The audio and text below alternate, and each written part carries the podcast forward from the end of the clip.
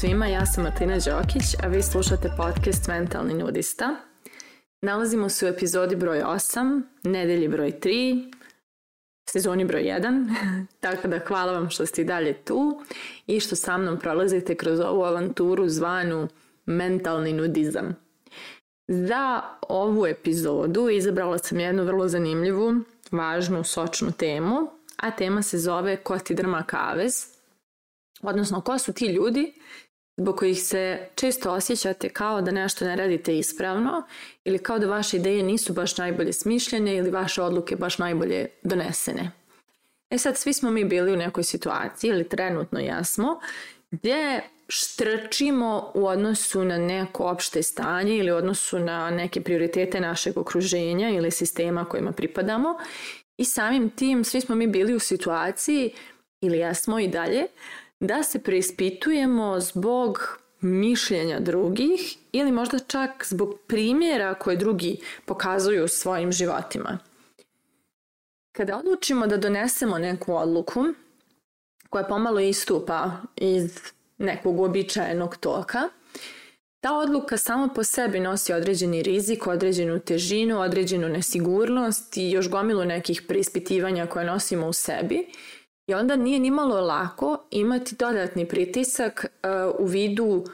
okruženja koje se ne slaže sa odlukom ili okruženja koje tu odluku posmatra onako ispod oka kao ne baš pa- najpametniju ili možda čak okruženja koje prosto postoji i živi svoj život i funkcioniše,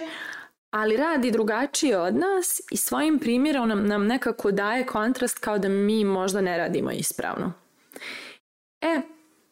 Kada se nađemo tu, je jeli, dođe do toga da neko počne da nam drma kavez i da, nas, da naše nesigurnosti jedna po jedna krenu da isplivavaju na površinu. Ono što je važno da razumijemo, naše nesigurnosti nikad ne potiču od drugih osoba, one su tu u nama, a samo je pitanje trenutka kada će neka osoba bilo ko, može da bude neki prolaznik, a može da bude neko blizak,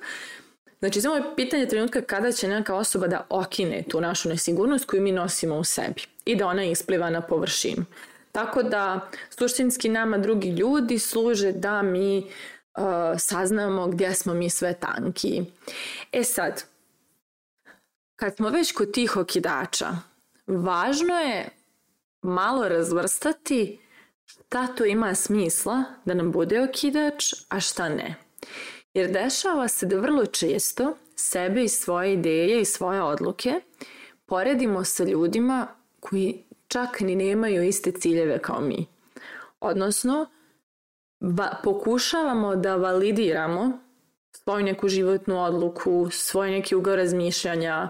svoj neki prioritet koji smo za sebe izabrali u okruženju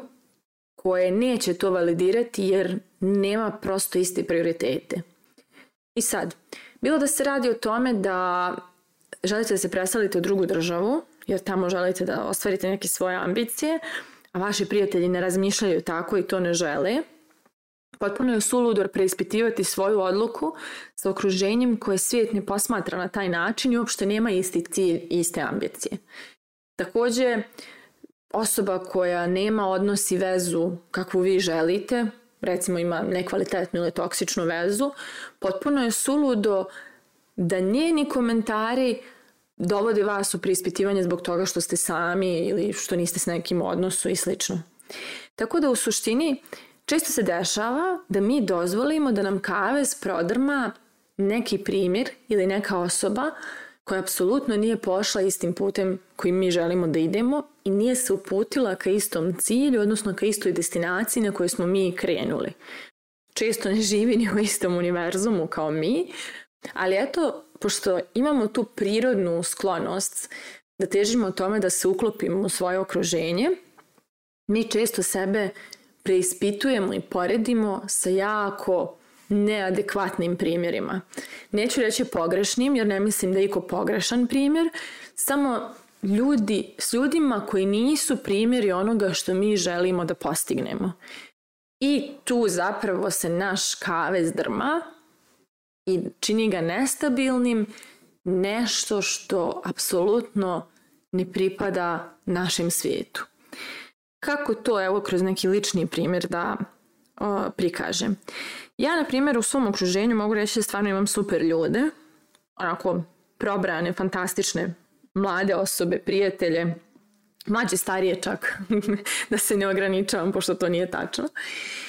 I e, otprilike sam stvarno uvijek imala podršku u većini stvari svojih odluka, za to što želim, a i kad je nisam imala, ja sam i dalje furala u pravcu koji želim. Međutim, Dešavalo mi se u određenim trenucima života kada sam bila jako ranjiva da sebe krenem da poredim sa svojim okruženjem koje apsolutno nije izabralo isti cilj kao ja. I onda, na primjer, jedan od primjera, ima ih jako mnogo da se razumijemo, ali evo jedan od tih je bio kada sam odlučila da se upustim u preduzetništvo. Ja sam se odselila u Beč i tamo otvorila kompaniju. I sad svi koji su preduzetnici znaju šta znače te prve godine ili prvi mjesec ili nebitno taj prvi period preduzetništva koliko je tu rizika nesigurnosti sklapanja kraja sa krajem znači gomilu gomilu nekih izazova i sad pošto sam ja u Beču bila, da kažem, prilično usamljena u toj svojoj ulozi, jer u mom okruženju nije bilo preduzetnika. E, često sam se osjećala jako nesigurno i promašeno, zato što se moja faza života nije poklapala sa fazom života u kojem se nalazi moje okruženje. Da negdje, da kažem, preciziram, svi su oni bili i jesu E, prilično finansijski stabilni, nekako imali su neke uhodane živote, a ja nekako kao da sam tek počela da se snalazim i izgledalo je kad se uporedi tadašnji moj stil života, pa ni sadašnji nije daleko od toga, ali kad se uporedi tadašnji moj stil života gdje ja znam da radim i po 15 sati dnevno i da na kraju mjeseca pokrijem troškove kompanije, nekad nešto zaradim, nekad ne – A oni koji nekako imaju uredno radno vrijeme, sigurnu platu, planiraju odmore i slično, I onda nekako kad čovjek sebe uporedi s tim, shvati, počne se osjeća kao da je to sve što radi prilično promašeno i da je negdje nešto pogrešno prespojio. E onda se dešavalo da ja u tim nekim trenucima stvarno počnem ozbiljno da prispitujem jesam li ja sve pogrešno shvatila i da li sam ja promašila put i da li sam ja stvari pogrešno razumjela. I onda recimo ono što je mene vadilo iz tog stanja jeste kada na Instagramu, znala sam tako na Instagramu da ispišem neki tekst na tu temu kako mi je ili da okačim neki story kako ja sjedim u kancelariji u 10 uveče. I onda bi jedna moja draga prijateljica koja već 10 godina je preduzetnica, jako uspješna, sa nekim rezultatima kojima se ja divim, znala je da mi pošalje poruku, da mi odgovori na to moje sa jao, tačno se sjećam te faze. I to je meni znalo da bude onako svetlo na kraju tunela ili sunce bi me obasjalo kada dobijem takvu poruku, zato što neko ko je prošao tim putem kojim ja idem mi kaže da nisam skrenula, nego da je to faza i da to postoji, a taj neko je stigao na odredište na koje ja želim da stignem. I tada bi to poređenje počelo, nekako bi mi se ublažilo i onda bih prestala da osjećam nesigurnost i počela bih da osjećam sigurnost jer neko ko je krenuo, ko ide ka istoj destinaciji, odnosno stigao je na destinaciju na koju ja želim da stignem, mi kaže da sam na dobrom putu. E, često mi svi negdje promašimo to, pa krenemo da se poredimo sa ljudima koji nisu krenuli na istu destinaciju i samim tim niti imaju iste kriterijume za donošenje odluka, niti imaju iste prioritete i naravno da, im se, da, da se faze njihovog života ne poklapaju sa fazama u kojoj se nalazi naš život. Pogotovo opet ću se pozvati na internet, donio je baš gomilu te potrebe da se poredimo, jer svi se nešto šminkaju i prikazuju neke savršene strane svog života, a pošto sam imala priliku da se družim sa puno javno savršenih ljudi, Eh, mogu da kažem da to što se nalazi za scene i te kako možemo opušteno da se uporedimo s tim, odnosno nije sve tako bajno kako izgleda na oko. No, nije to tema, nego je tema sledeća. Da li uspjevate da razložite kome dozvoljavate da vam trese kavez, da vam drma kavez, zato što se često dešava da u potpuno pogrešnom kontekstu provjeravamo validnost svoje ideje, svoj ugao gledanja i svoje razmišljanje. Kada smo odlučili da uradimo nešto što se razlikuje od našeg okruženja, to znači da smo mi pogledali stvari iz nekog ugla koje naše okruženje ne vidi. A taj ugao koji smo mi vidjeli je nama bio dovoljno validan – i dovoljno snažan da nam bude veliki kriterijum i veliki pokretač da donesemo neku drugačiju odluku. jako je pogrešno pokušati potvrditi taj ugao u okruženju koje ne gleda stvari iz tog ugla. Znači, isključivo kavez može da nam drma